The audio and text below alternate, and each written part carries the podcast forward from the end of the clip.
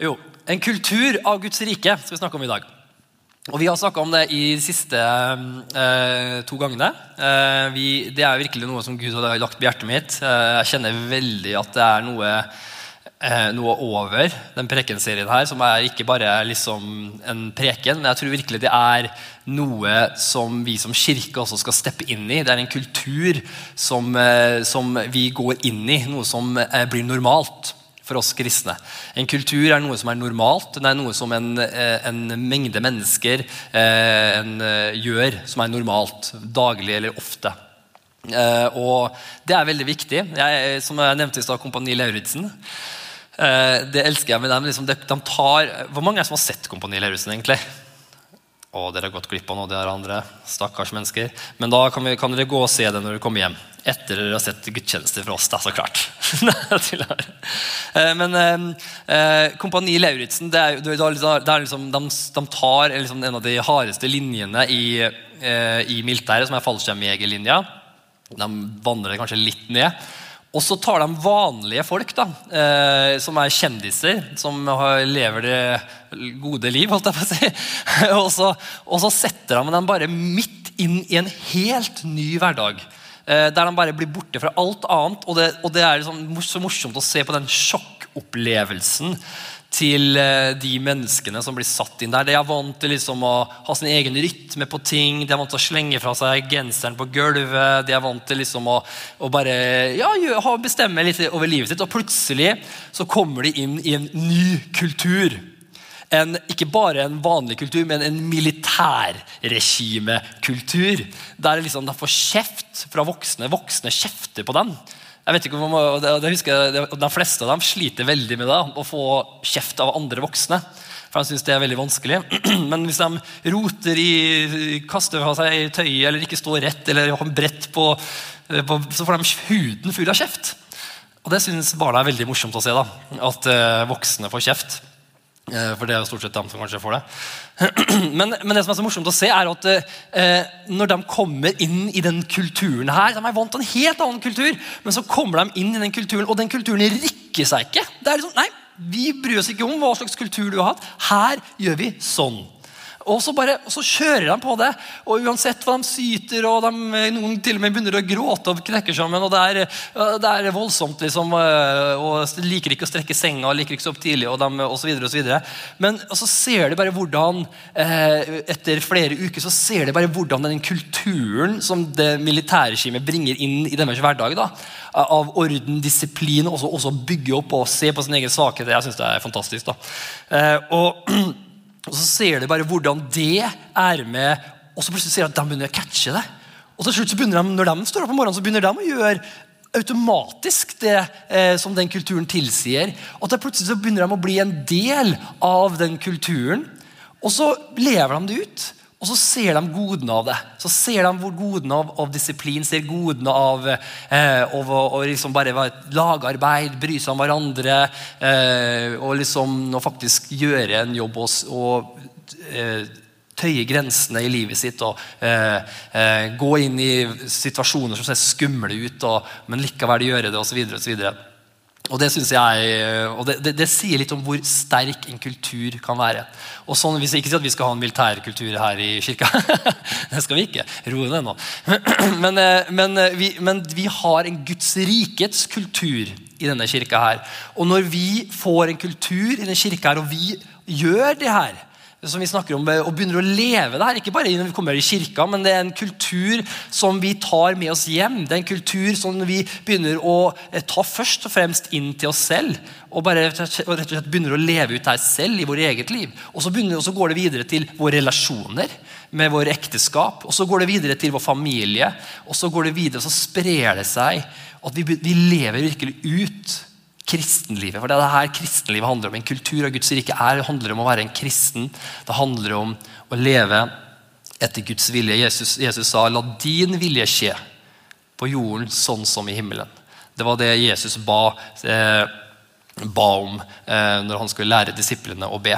Så å, å, ha en kultur, en kultur av Guds rike det synes jeg er, er virkelig essensielt. og det snakka jeg om første gangen. Ta en liten uh, rewind. Første gangen så prata jeg litt om Eh, litt, la litt grunnlaget på hva Guds rike er, hvordan Jesus snakka om det. Hvordan han første preken hans var om Guds rike, om den siste preken hans var i Guds rike. Hvordan apostlene fortsetter å snakke om Guds rike. Eh, det står hele tiden at de, at han talte om Guds rike, han snakka om de ting som hadde med Guds rike å gjøre. Det, det er en gjennomgående tema i Bibelen er at han underviste, snakka og viste Guds rike. Og, og, og, og, du, det, og, du, ser bare måten Og Jesus er jo egentlig eksempelet på Guds rike. Han er eksempelet Han er egentlig Guds rike i person. Så hvis man har lyst til å se hva er egentlig Guds rike, så kan man egentlig se på livet til Jesus. For Jesus han levde ut Guds rike. Og Som jeg også snakka om eh, forrige gang, så kom vi inn på det med Guds rike. Vi snakker om det med det er de tre tingene som jeg kommer til å fokusere på innenfor Guds rike, som er eh, kjærlighet, tro og håp. Eh, og det, og det har jeg fra første Korinterbrev, der det står da, da blir disse tre stående. disse tre, Tro, håp og kjærlighet. Men den største av dem er kjærlighet. Så Jeg forandrer rekkefølgen litt, men det er fordi at det største av dem er kjærlighet. Og Derfor så begynner vi med kjærlighet. og så sånn, Framfor alt ta opp troens skjold. Derfor så fortsetter vi i dag med tro. Og så skal vi neste gang snakke om håp. Så, og jeg tror virkelig at disse tre temaene er essensielle i å ha en kultur av Guds rike. Og du ser bare hvordan Jesus levde dem ut. Eh, og Forrige gang prata jeg om kjærlighet. Jeg snakka om det å, eh, å, faktisk elske. Jesus sa at på samme måte som jeg har elsket dere, skal dere elske hverandre. En kultur av kjærlighet syns det er hvordan vi behandler hverandre, men det starter med vår kjærlighetsrelasjon med Jesus. Og, og, når vi har satt han på førsteplass, vi har en relasjon med han Du er alt for meg. Hva skjer da? Jo, det som er viktig for Gud, blir viktig for deg. Og hva er viktig for Gud? Andre mennesker. Så å behandle andre mennesker dårlig er uaktuelt i Guds rike. Der behandler vi mennesker som verdifulle skatter. Vi behandler mennesker som Vi ser på mennesker sånn som Gud ser på mennesker. Og det, og, og det, kommer, det er ikke alltid så lett, men jo mer vi har den intime relasjonen med Gud, som vi om forrige gang, jo mer vil det her bare komme på plass. Det er at vi elsker. Det er en kjærlighet. Og i, i Johannes 17 så snakker jo Jesus om det her at, eh, at når mennesker ser hvor mye dere elsker hverandre, da vil de også se meg. Det er ganske stor statement. Han, sa, når, han sier ikke at når, han, når, dere, når, mennesket ser hvor mange eh, bibelvers dere har understreka i deres bibel, da skal mennesket komme til meg. Liksom.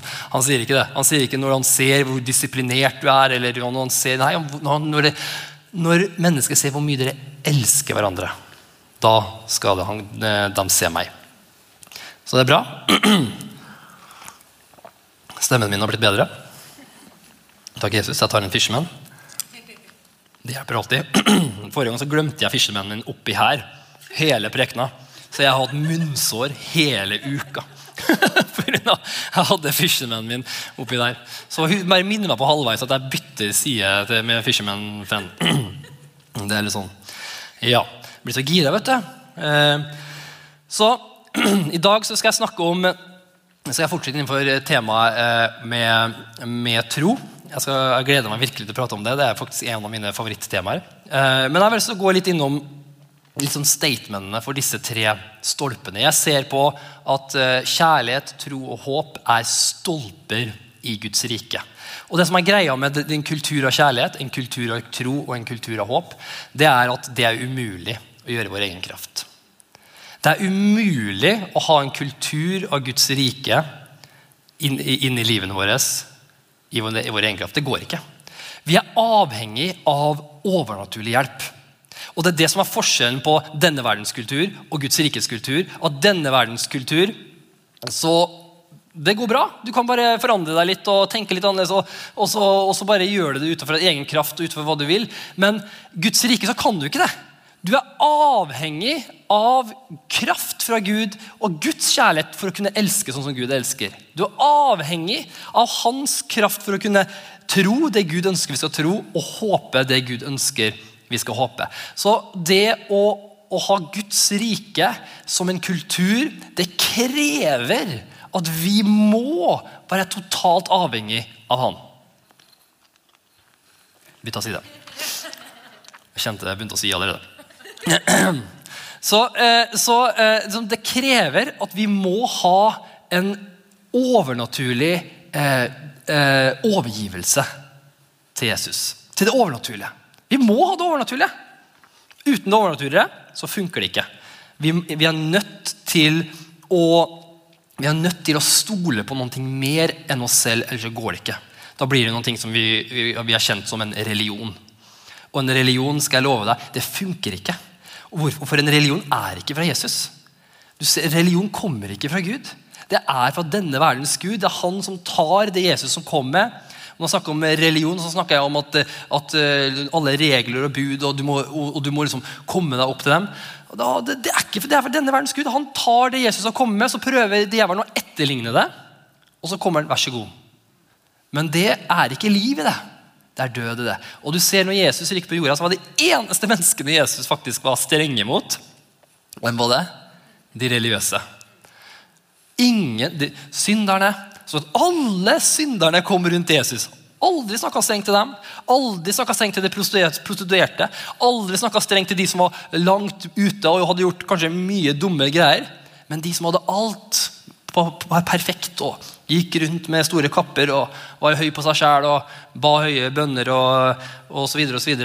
de fikk huden full av Jesus. Eh, og det sier liksom litt Jesus-prioritet, for det er ikke Guds rike. Religiøsitet er ikke Guds rike. Guds rike er en personlig relasjon med vår pappa Gud. Der vi kan kjenne han. Det er en kjærlighetsrelasjon med han. Og alt må bygges ut fra en kjærlighetsrelasjon. Hvis ikke vi gjør det, så blir det religiøst. Da blir det eh, plikter, regler osv. Og, så og, og det funker ikke. Det funker ikke i det hele tatt. Så vårt mål er kjærlighet. Vår handling er i tro, og vårt budskap er håp.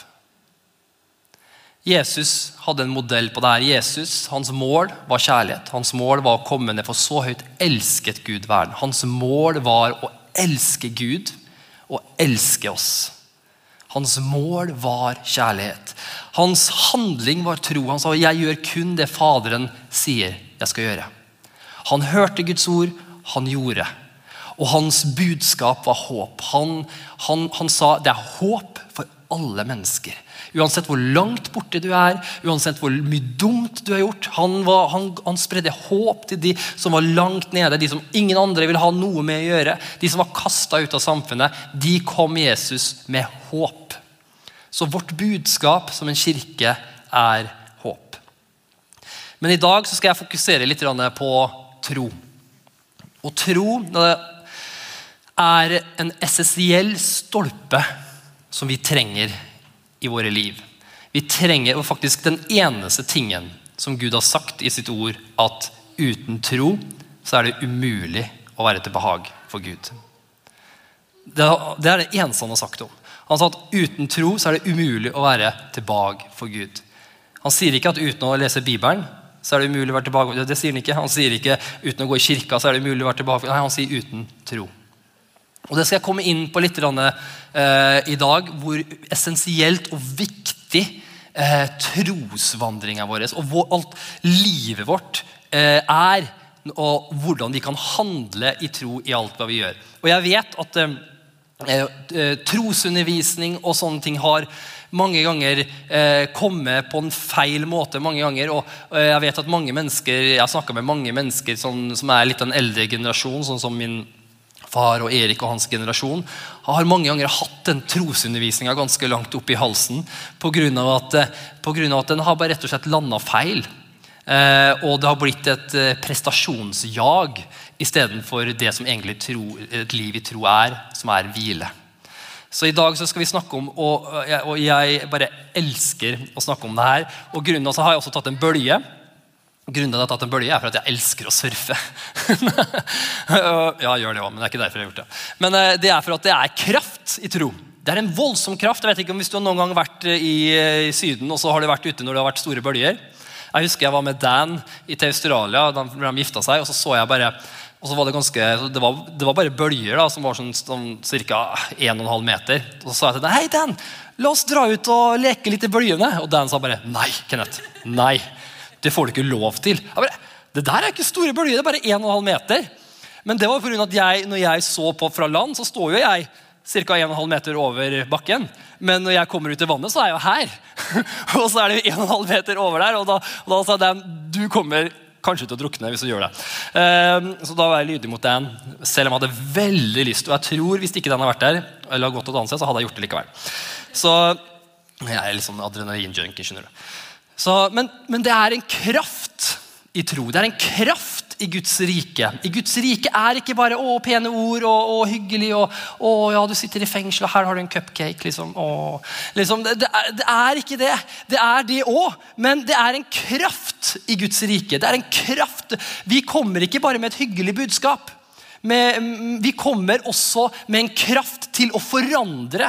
En kraft til å, til å, bryte. Vi kommer med en kraft til å forløse. Vi kommer med en kraft til å bringe Guds rike på himmelen sånn som, sånn som denne, på denne jorden sånn som i himmelen. Vi kommer med en kraft inn i alle våre hverdager. Og det er, så, og det er en sånn essensiell, viktig del av, eh, av en, en, kultur, av Guds rike, det er tro. Tro er at vi faktisk kommer og manifesterer Guds rike overalt hvor vi går. Og Det ser du på livet til Jesus. som sagt at Hvis du har lyst til å se en kultur av Guds rike i action, se på Jesus. Se hvordan Jesus levde. Det er en kultur av Guds rike. Og når jeg sammenligner meg selv med hvordan Jesus levde, så blir jeg noen ganger litt deprimert. Men, eh, men vi er på vei. Alle sammen sier 'jeg er på vei'. Og jeg er ok. Amen. Så nå skal vi lese eh, bibelvers. Eh, det er eh, Matteus 4, 23-24. Snakker litt om hvordan Jesus eh, holdt på. Og da står det Jesus gikk omkring i hele Galilea, underviste i synagogen deres og forkynte evangeliet om riket. Og han òg helbredet alle slags sykdommer. står det. Helbredet noen få sykdommer som var Guds vilje. står det det? Nei. Det står Han helbredet alle slags sykdommer og alle slags skrøpeligheter i folket. Og ryktet om han spredde seg utover hele Syria, og de bar til ham alle syke mennesker som led av forskjellige sykdommer. Igjen alle. det er så kult. Eh, som led av forskjellige sykdommer og plager. Både de, dem som var demonbesatte, månesyke, lamme, og han helbredet dem. Og i en annen oversovelse så And he healed them all. Han helbredet alle sammen. Eh, og du ser her bare et tema hvordan Jesus gikk rundt og levde. Han helbreda. Han forsynte Guds rike. Og så manifesterte han Guds rike. Så nummer to, eh, Bibelvers nummer to, Matteus litt lenger ned, så står det i Matteus 9, 35, så Deretter dro Jesus omkring i alle byene og landsbyene. Han lærte eh, i synagogen deres igjen, fortalte dem om det.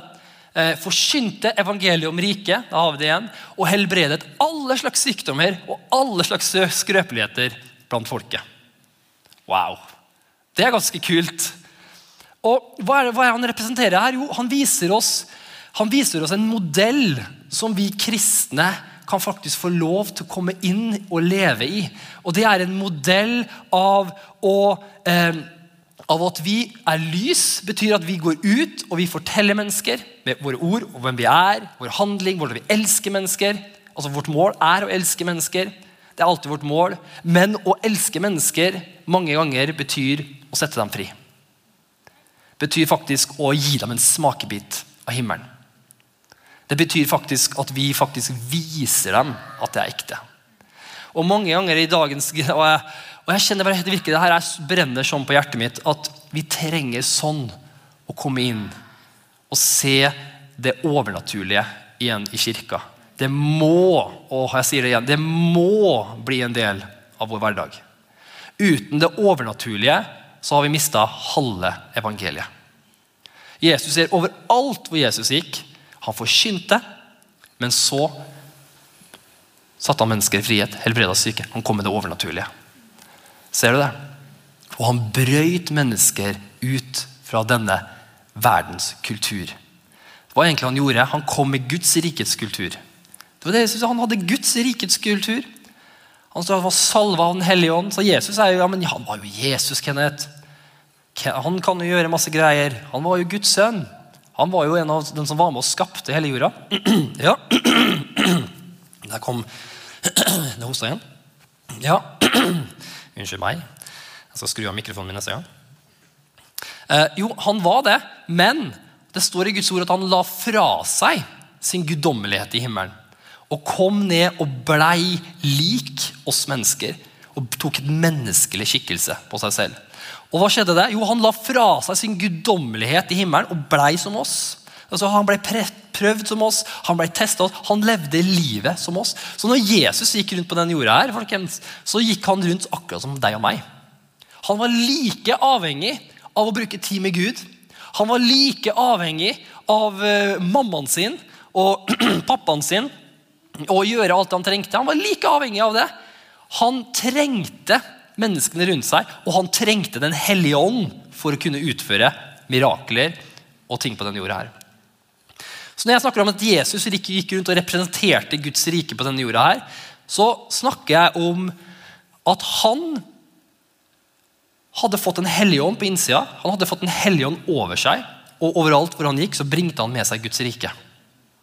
Og det står til og med at han gikk, Når han bare gikk forbi, folk bare tok på han, så ble de helbreda. står det. Hvorfor? For Guds rike var så sterkt rundt Jesus. Det var en atmosfære rundt Jesus av Guds rike. Hva, betyr, hva mener jeg med Guds rike? Jo, sånn som det er i himmelen. Altså himmelen. Det er ikke noe sykdommer i himmelen. Det er ingen smerte i himmelen. Det er ingen, ingen ondskap i himmelen. Det er, bare, det er kjærlighet. Der folk er friske, folk er sunne. Så Derfor så hadde Jesus det gjennom Den hellige ånd. Samme ånd som vi har fått. Så gikk Jesus rundt med en atmosfære av Guds rike rundt seg. Og hver gang den atmosfæren kom i kontakt med denne verdenskultur av sykdom, av mørke, av demoner og hva enn det er, hva skjedde da? Da ble det en konfrontasjon mellom to riker. Og hva skjedde da? Jo, den ene måtte vike. Og det er det som er lys i mørket. Guds rike er så sterkt og er så kraftfullt at Gud, og når Jesus snakker om det, så snakker han om det som lys i mørket. Det er så sterkt at når Guds rike kommer, så forsvinner mørket. Så hvor, overalt hvor Jesus kom, det var sykdom, så kom Guds rike og konfronterte det ved helbredelse. Det blei, som han Jesus sa, som i himmelen, så som på jorden. Det blei sånn når Jesus gikk rundt. Og, og der har, jeg, og jeg, jeg taler ut jeg, jeg har lang vei å gå på det her selv. Men jeg taler ut det som Bibelen sier om det Jesus sier om det her.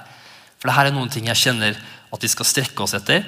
Og så er det noen også ting som jeg kjenner at det er ikke i vår kraft. Det er kun gjennom en relasjon med Jesus at vi kan gjøre det. Hva står det Jesus sa? Så, så, du noen gang Jesus løpe? Har du noen gang lest i, Bibel, gamle, nei, i Nytestamentet om evangeliet om Jesus at Jesus løpte? Og Jesus var så stressa, og han løpte alt han kunne. Og han var så svett, men han rakk det akkurat. Og da kom det en eh, person som var syk, og han å, jeg har litt dårlig tid, men eh, ok, da. La oss helbrede. Leser du det? Aldri. Jesus helbreda alle han hadde tid for alle. Han tok det med ro. Han, så, han levde et liv i hvile. Amen. takk, Jesus, for stemmen min. Amen. Ok, så Da går vi videre til Markus' evangelium. Er det her greit? Da snakker sånn her. Er vi klar for å bli utfordra i dag? Ok. Og Markus' eh, eh evangelium eh, 16, 15-18. Og han sa til dem, gå ut i all verden og forkynn evangeliet for hele skapningen. Den som tror og blir døpt, skal bli frelst, og den som ikke tror, skal bli fordømt. Disse tegn skal følge den som tror. I mitt navn skal dere drive ut demoner. Dere skal tale med nye tunger, dere skal ta opp slanger. Og hvis dere drikker noe dødelig, så skal det slett ikke skade dem. De skal legge hendene på de syke, og de skal bli friske. Så nummer én, Jesus viser oss hvordan vi gjør det. Her folkens, er måten vi skal gjøre det på. Bytte side. Her er måten vi skal gjøre det på. Her er måten vi skal leve på. Og så etterpå så sier han vær så god, nå skal dere gjøre det.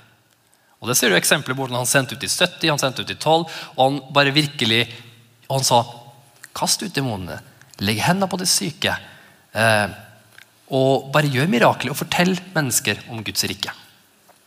Og Det er en modell her som vi mennesker trenger å komme inn i, som, som er forskjellen på eh, denne verdens eh, kultur og Guds rikes kultur. Det er kraft i det. Det er en forandring i det. Amen. Henger du fortsatt med? Så hva er egentlig tro? Jo, tro det står i Bibelen, Hebreerbrevet eh, forklarer jo veldig, veldig bra. Jeg skal ikke gå inn på akkurat den forklaringen akkurat dag. Men hva, tro, en kultur av tro er egentlig veldig veldig enkelt. Det handler kun egentlig om overgivelse. Det handler ikke om at du skal få til noen ting.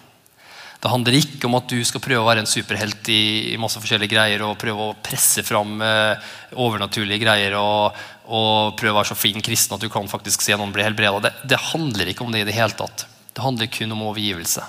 Det handler egentlig rett og slett om å si at Gud, det du sier, det tror jeg på. Du tar Gud på ordet. Det er tro. Tro er å si Gud hvis du sier det, Gud, da er det sånn. Og det er bra nok for meg. Det er tro. Du sier til Gud, Gud ok Gud, du har sagt det, og jeg stoler på deg. Jeg vet at du er en god pappa. Jeg vet at du elsker meg, og jeg stoler på deg. Og derfor, Hvis du sier noe, ja, da, da er det sånn, da. Da er det sånn, da. Du sier at jeg har lekt i dine sår. Da er det sånn, da. Du sier at 'legg hendene på de syke'. Ok. Ok, pappa Gud. Ser du det? Og så står det alle Guds løfter står i Bibelen, har fått et ja og amen i Jesus. Det betyr at alle Guds løfter i hele Bibelen, beskyttelse, at du skal få alt det du trenger til, eh, at du skal få ledelse, visdom, helbredelse og alle andre beskyttelser, at barna dine skal vokse opp, eh, og deres fred skal være lært av Gud, deres fred skal være stor. Alle Guds løfter er ja og amen i Jesus Kristus for deg. Og all Guds velsignelse er utøst over deg. Og det betyr, Men hva må du gjøre? Igjen så kommer vi tilbake til valg. Det her er det Gud gir. Gud presser ikke på deg noen ting. Hva Han sier, han sier ok, her er alt jeg har for deg. Her er alt du vil at du skal vokse inn i. Vær så god. Det er du, opp til deg om du ønsker å tro på det eller ikke. Og tro er opp til oss. Han, kraften, helbreder syke, helbreder deg. Det er det han som gjør. Men å tro er opp til deg. Og Det er egentlig å stole på Gud. Jeg Nå, eh, nå, kommer jeg tilbake til Kompani Lauritzen igjen. Er du klar? jeg må drikke litt vann først. Jo, for De har en morsom øvelse på Kompani Lauritzen som heter for baklengsstup. Eh, som vi faktisk gikk her i helga. Den, den øvelsen husker jeg veldig fra militæret sjøl. Jeg var helt uforberedt på den øvelsen. Eh, jeg husker jeg kom inn i svømmehallen, og så så jeg en tremeters stupebrett. Og så spurte jeg hva skal vi gjøre her. Jo, her skal du bare dette baklengs fra det stupebrettet. Det er ganske enkelt. Jeg bare, Er du seriøs? Liksom? Skal jeg bare stå på kanten på stupebrettet og bare dette bakover? Så ja. Og, sånn, og hvis du detter, og hvis du gjør hva jeg sier, og du bare står helt rett og lar tyngdekraften ta over resten, så vil alt gå bra. så smiler de. Og så Jeg smiler kanskje på utsida, men ikke på innsida. Og jeg husker bare, jeg gikk opp på den, den, eh, det stupebrettet der, og jeg gikk ut på kanten, og jeg bare tenkte Det her er bare imot alt av jeg, all fornuft og alt menneskelige meninger. Men så, så sa jeg bare ok, bestemte meg. Det vet du hva? Jeg stoler på deg, sersjant. Selv om jeg ikke kjenner deg, selv om du har vært veldig slem med meg de siste dagene, så velger jeg og tro at du vil det beste for meg. Så stilte jeg meg på den kanten, og så husker jeg jeg bare lukka øynene. Og så bare datt jeg bakover. Og det som var så kult, var at jeg traff perfekt med hodet og fysiske lovene. ikke sant? Og det var ikke vondt i det hele tatt. Så gikk jeg opp og satte meg og så på alle andre, for jeg var førstemann. heldigvis. Og så så jeg bare, og jeg har aldri hørt så mye plask i mitt liv eh, når alle andre skulle ta. For det er sånn at hvis du, hvis du trekker deg litt Det betyr egentlig at ja, ok, du kan si jeg, jeg stoler på deg, jeg stoler på deg, sersjant. Men når du gjør det, så gjør du egentlig ikke det. Du gjør sånn her. Og med en gang du gjør sånn, så, så, er det nok til at du dang for det plasket. Og hva, hva måtte jeg gjøre? Da måtte de gjøre det en gang til. da måtte de gjøre det helt til de faktisk klarte det, ellers røyk de ut. da. Eh, og, og, det var mange som måtte gjøre det nesten sånn fem ganger. Eh, og det var, det var, så masse røde rigger inn på den svømmehallen her, så jeg har ikke sett maken. Men det handla egentlig bare om å stole på hva han sa. Og, vil, og, og, jeg, og, jeg, tror at du vil det beste for meg, og du har sjekka ut det her. Ellers vil du mest sannsynlig bli saksøkt og havne i fengsel. Så jeg regner med at det her kommer til å gå bra. Og Sånn er det også med tro med Gud. Det er veldig enkelt. Og Derfor kommer kjærligheten. Uten kjærlighet så kan vi ikke tro. Så enkelt er Hvis ikke du tror at Jesus elsker deg, så kan du heller ikke tro. Du klarer ikke å tro da. Derfor så Gud måtte deale med meg. Jeg husker Før så drev jeg, og jeg prøvde liksom å evangelisere for folk og fortelle mennesker om Jesus og be for syke, men ingenting funka. Hvorfor funka det ikke? Jo, for jeg gjorde det utover for å prøve å fortjene Gud. Det funker ikke. Men når jeg begynte å se bare hvor mye Gud elska meg, og bare fokusere på Jesus og hans relasjon med Han er med meg. Det er han skal, hans kraft som virker gjennom meg. Og det som skjedde da, det var at da begynte jeg tro for meg begynte å bli mye enklere. Du elsker meg. Du vil jo mitt beste. Så når jeg stiller meg på kantene og detter bakover, nå, hva skjer da? Da vil det gå bra. Så lenge jeg gjør hva du sier. Og Det er tro at vi, vi tar Gud på ordet. Og Det å tro er litt annerledes enn det å stole på Gud. Det å tro er faktisk å gjøre det du vet Gud sier du skal gjøre. Når du tror, så vet du. Det er forskjell. Tro er visshet. Tro er at 'jeg vet du sier det'. Stoler på Gud? Jeg vet ikke, men jeg stoler på deg. Jeg vet ikke hva som kommer til å skje akkurat nå, men jeg stoler på deg. Det er også kjempeviktig. Og, og Mange ganger så går de to veldig i hånd i hånd. Men så Israels folk de gikk gjennom ørkenen og de, de visste ikke hvordan de skulle få mat hver dag. De stolte på Gud. Og Gud ga dem det de trengte. Men så kom de til det, det lovede land. Hva skjedde med det lovede land? Gud sa, 'Gå inn og ta det'. Hva krevdes da? Tro. Jeg vet hva du har sagt. Og han sa til og med og dere kommer til å ta det når dere gjør det. Jeg vet hva du har sagt, og, derfor, og da er det opp til meg om jeg vil steppe ut på det eller ikke. Da er det ikke lenger stole på, da er det tro. Og tro er rett og slett at vet du hva, Gud, hvis du sier det, da er det sant. Da gjør jeg det. Og så stepper vi ut på det ukjente. Så stepper vi ut på det som ser umulig ut. Vi, det går imot egentlig all uh, sunn fornuft. Det går imot hodet vårt. Men det er overnaturlig realitet. Og det som er så fantastisk med å sette seg selv i sånne situasjoner som det der, som ikke er så veldig behagelig eh, jeg vet at mange her, Dere er, har mange historier om det å vandre i tro. og det har dere fortelt mange ganger her, og det vi alle er enige om, det er ikke alltid så behagelig. For hvorfor? For det går ofte litt imot hva vi er, fornuften sier til oss er riktig. Men når vi faktisk velger å stole mer på Gud enn hva, hva fornuften sier av, av, av, og til Vi skal selvfølgelig stole på fornuften, og vi har fått en hjerne for å bruke den. og det er kjempeviktig også. Eh, så i mesteparten av ganger, så Bruk sunn fornuft helt Den hellige ånd sin og annet.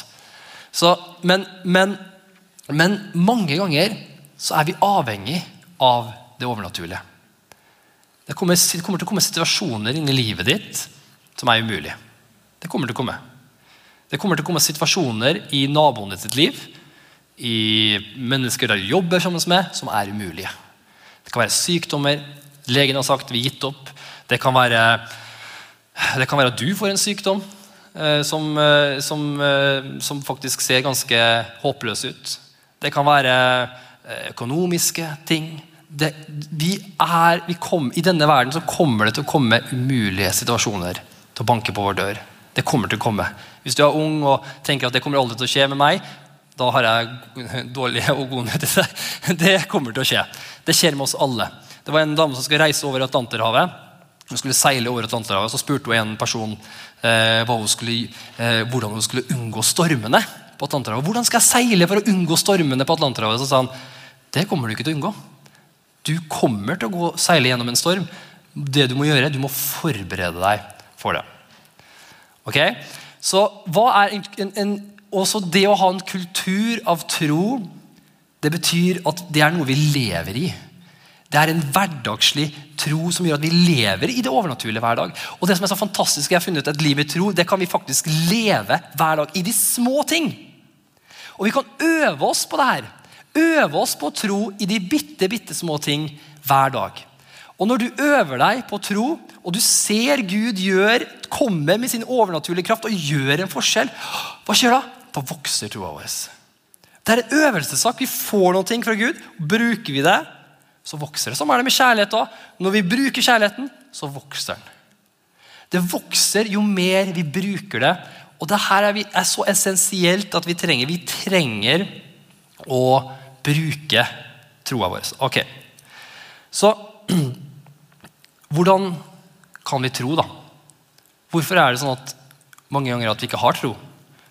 Mange som sier da, ja, men jeg har ikke tro, Kenneth. Jeg, jeg, jeg føler ikke at jeg tror i det hele tatt. Det er ikke sant. Alle kristne har tro. Alle kristne mennesker har tro. Da kan eh, Else, du kan komme og spille litt. Alle kristne mennesker har tro. Hvorfor? For at du er en kristen. Det største mirakelet i ditt liv skjedde når du sa ja til Jesus. Da hva skjedde da? Da blei du en ny skapning. Det gamle er forbi. Se, alt er blitt nytt. Jeg vet ikke om jeg har den her. Skal vi se. Her står det i Romerne 10, 9-10. For dersom du bekjenner Herren Jesus med din munn og tror i ditt hjerte at Gud har oppreist ham fra det døde, skal du bli frelst. For med hjertet tror han til din rettferdighet, men, men med munnen bekjenner han til frelse. Så egentlig tro har egentlig med hva du fokuserer på. Fokuserer du på hva Gud sier? Jo mer du fokuserer på hva Gud sier om en situasjon, hva skjer da? Jo mer vil du tro. Hva betyr det? Hvordan vet du at du tror? Jo, du slapper av. Du hviler.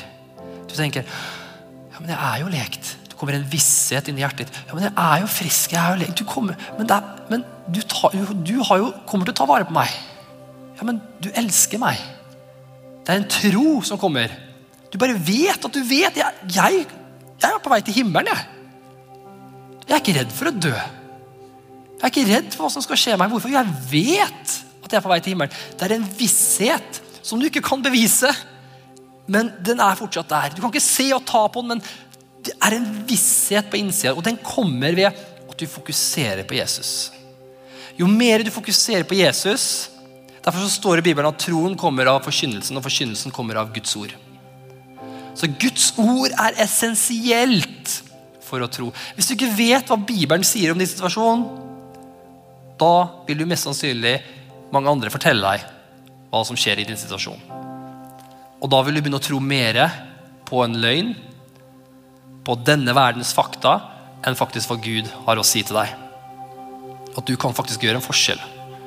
At du har faktisk fått en autoritet inn i livet ditt. At du kan faktisk gå på vannet, sånn som Peter sa. Ok, jeg, Nå sier jeg ikke at du skal springe ut og gå på vannet, altså. men det er bare en metafor.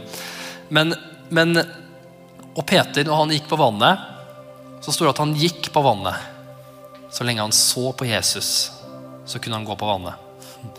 Men så er det litt morsomt, og så står det at Men så begynte han å se på bølgene og all vinden. Hva betyr det?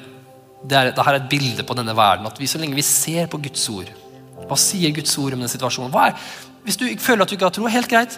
For, for å si det sånn, Du har tro, men du, akkurat nå så har du bare ganske mye vantro i tillegg. Det er forskjell. Alle kristne har tro. Og det Jesus sa at Hvis du har tro som et sennepsfrø, så kan du si til dette fjellet flytt deg og kast deg i havet. Og det vil skje, sa Jesus. Så alle kristne har den troa du trenger. Det er ikke sånn at du ikke har tro. Du har tro. Problemet er at du har bare en hel haug av vantro. Som du trenger å kvitte deg med. Og hva er vantro? Vantro er at du har fokusert så mye på løgn, på ting som mennesker sier, nyheter. Å, det her kommer til å gå sånn, og det gikk sånn med den personen, erfaringer osv. Alt, alt som skjer i denne verden her, har blitt hovedfokuset ditt. Og så har du fokusert veldig lite på det Gud sier om din situasjon. Og hva skjer da? Jo, da blir den versjonen veldig stor. Og da får du noe som heter for frykt. Og frykt er det motsatte av tro. Frykt er å tro på en løgn. Frykt er å si 'jeg vet ikke'. Ja, vet du hva, Det skjedde med den personen, så kanskje det kan skje med meg. Hvor mange er det som har hatt en sånn opplevelse en gang? At du bare kjente, at du kjente en smerte i kroppen din. Så plutselig så tenkte du Kanskje det er kreft. Kanskje kanskje jeg må amputere beinet mitt. Så du ser på den tanken bare begynner å spinne, spinne, spinne mer. Eller, eller at den personen sa noe til meg. Og så, Oi, er hun sint på meg? Kanskje. Og så bare begynner du å lage en historie på hodet, og til slutt endrer det liksom med at dere aldri snakker med hverandre igjen. Og, og hun flytter til et annet verdensdel, og, og, og så videre og så videre. Og du spinner på hva, hva er det egentlig du gjør? Jo, du tillater frykt å ta deg et sted. Og hva skjer? Jo, Når du tillater frykt å ta deg et sted, så vil frykten fortelle deg ting. og Du vil begynne å meditere på det. Du vil begynne å tenke på det. Du vil se for deg ting. Hva som kan skje. Du ser for deg at du mister jobben din. Du ser for deg at du ligger på sykehuset og smerter og du holder på å dø. Du ser for deg masse fæle ting. Hvor mange er det som har gjort det? Da har du da, Det er det samme som å tro. Da kan du det. Gratulerer! Du vet hvordan du gjør det her. Du er faktisk en ekspert.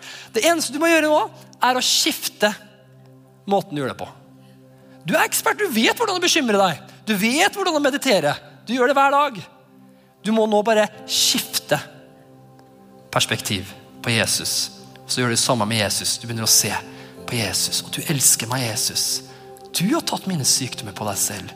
Så begynner du å se imagine, se deg selv frisk.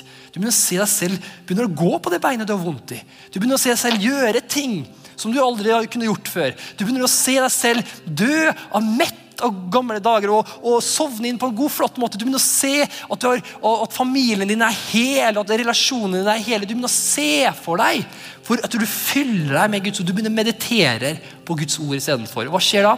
En visshet kommer inn i hjertet ditt.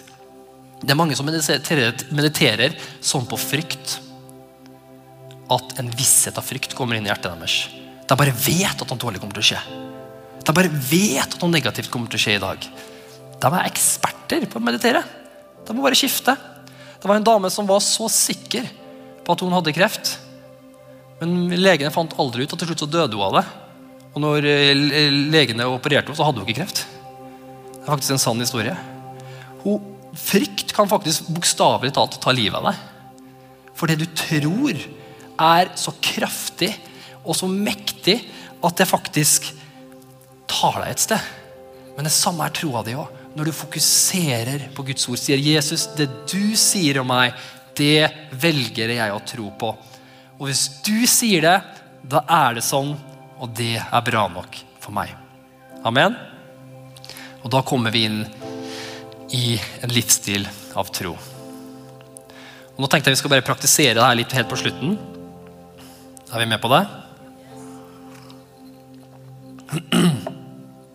Og jeg har lyst til å praktisere det i og jeg har lyst til å, I dag skal vi praktisere det via helbredelse. Jeg tror på helbredelse. Jeg tror at mennesker kan bli helbreda. Jeg tror at hvis du er, står imot sykdom i kroppen din, så er det Guds vilje å helbrede deg. Alltid. Han vil ikke lære deg noe. Han vil ikke ta deg gjennom en erfaring i livet. Det er ikke det Gud bruker sykdom til. Ja, han gjør det onde om til det gode, men det er ikke hans hensikt. Han vil heller bruke andre måter å gjøre det på. Hans hensikt er at du skal være lekt i Jesus' sår. Han har sagt han sa at alle mennesker som kom til Jesus Det fins ikke én person du kan lese om i Bibelen som det Jesus sa. vet du hva? Det er Guds vilje for deg at du skal være syk, så jeg kan ikke helbrede deg. dessverre. Finner ikke. Alle som kom til Jesus, ble helbreda. Hver gang. Alle som kom til Jesus, ble satt fri. Hver gang. Det er Guds vilje at du skal være lekt. Og på samme måte som du tar imot frelsen Eneste forskjellen mellom frelse og helbredelse er at vi har fokusert mer på frelse. Det er mer tro på frelse. Derfor er vi alle, De fleste her er sikkert sikre på at når du har sagt ja til Jesus, da er du tilgitt. Er vi ikke det? Vi er, vi er tilgitt. Vi er på vei til himmelen. det, det vet vi. For vi er frelst. Sånn er det med, med helbredelse. Akkurat samme, alle, akkurat samme med helbredelse. Og det som er så kult i Guds ord, så ser du at helbredelse og frelse går hånd i hånd. For Jesus, Når Jesus snakker her i Isaiah 53, så sier han Hva er det første han sier? Sannelig. Altså, dette her er sant, sier han. Bare så i tilfelle du ikke visste det. det her er sant. Og så fortsetter han. Det var dine sykdommer han tok på seg. Det var dine smerter han bar. Vi regnet som rammet, slått av Gud og gjort elendig. Og så kommer synd, synd, synddelen og sier han ble såret for våre overtredelser. Han ble knust for våre misgjerninger. Straffen for at vi skulle ha fred. Altså ånda vår rammet ham. Og så kommer det tilbake til kroppen vår igjen. Og ved hans sår har vi fått legedom. Så på samme måte som at du har blitt frelst, det er ånda di. Han fiksa problemet med ånda di, med synd. Han rensa deg. Du er nå en ren. Ånda di er ren. Når du dør, så går du videre. Du er ren. Du er, du er Guds barn. Men så fiksa han også problemet med kroppen vår, som er konsekvensen av synd. Og så sa han at samme troa. I mine sår har dere fått legedom. Helt samme troa. Og det vi gjør når vi hører det her, da prøver vi ikke å hype oss opp, da prøver vi ikke å stresse. Men det vi gjør nå, det er at da sier vi at vet du hva, Jesus, du har sagt det. Da velger jeg å tro på det. Så enkelt er det. Det er tro. Og nå har jeg forkynt om det her. Og nå har du faktisk begynt å fokusere på det her. Så nå har du tro for å bli helbreda. Akkurat nå. Så akkurat nå så skal du bare ta imot helbredelsen din. Wow, så bra og så herlig. Det her tar vi med oss. Um, og så perfekt med den sangen her til slutt også. Jeg har en venninne av meg som eh, for en del år tilbake sleit skikkelig skikkelig med dødsangst. Det var så Hun var sikker på at hun kom til å dø, og det varte ganske lenge. Hun var med legen og fikk hjelp, og hun gikk på en kristen skole akkurat på det tidspunktet. her, og, og, og hun sa hun tvilte på alt. Hun sa jeg veit ikke engang om Gud fins lenger. Jeg er bare svart, svart, svart. svart. Og Noen ganger møter vi en svart vegg, om det er en sånn type her, eller en ting vi står i. Og det rådet hun fikk da fra ei klok voksen kristen dame som sa til henne Klarer du å si navnet Jesus? Så det kan jeg klare. og det var det hun holdt seg fast i. Det var hennes hennepkorn. Hun sa navnet Jesus når alt annet var svart. Så uansett hvor du er akkurat nå, der du er i ditt liv og i din vandring med Gud og i din hverdag, så vil han gi deg visdom på det ene lille. Det her kan jeg klynge meg fast i. Så, så det mm, tar vi med oss. Kjempeherlig. Eh, og hvis du ønsker forbønn, og du ikke fikk det nå, og du bare tenker at jeg trenger å snakke med noen, jeg trenger å be noen, kan du komme frem nå her etterpå? Så kan de som går, eh, vil gå og begynne å spise, kan gjøre det. Så skal vi ta imot Herrens velsignelse. Herren velsigne det og bevare det. Herren løfter sitt ansikt på det og gi det fred. Herren løfter sitt åsyn på det og gi det sin fred. Og gå i fred og tjen Herren med glede. I Faderens, i Sønnens og Den hellige ånds navn. Amen. Tusen takk for at du tuna inn og at du var sammen med oss på dette programmet. Vi håper det var til hjelp og til oppmuntring i din hverdag. Dersom du ønsker å ta kontakt med oss, kan du gjøre det via nettsida vår, østfoldkirken.no. Og vi setter veldig pris på å få tilbakemeldinger dersom det programmet her har vært oppmuntring for det eller til hjelp for det. Så setter vi stor pris på å høre det. Ha en velsigna uke.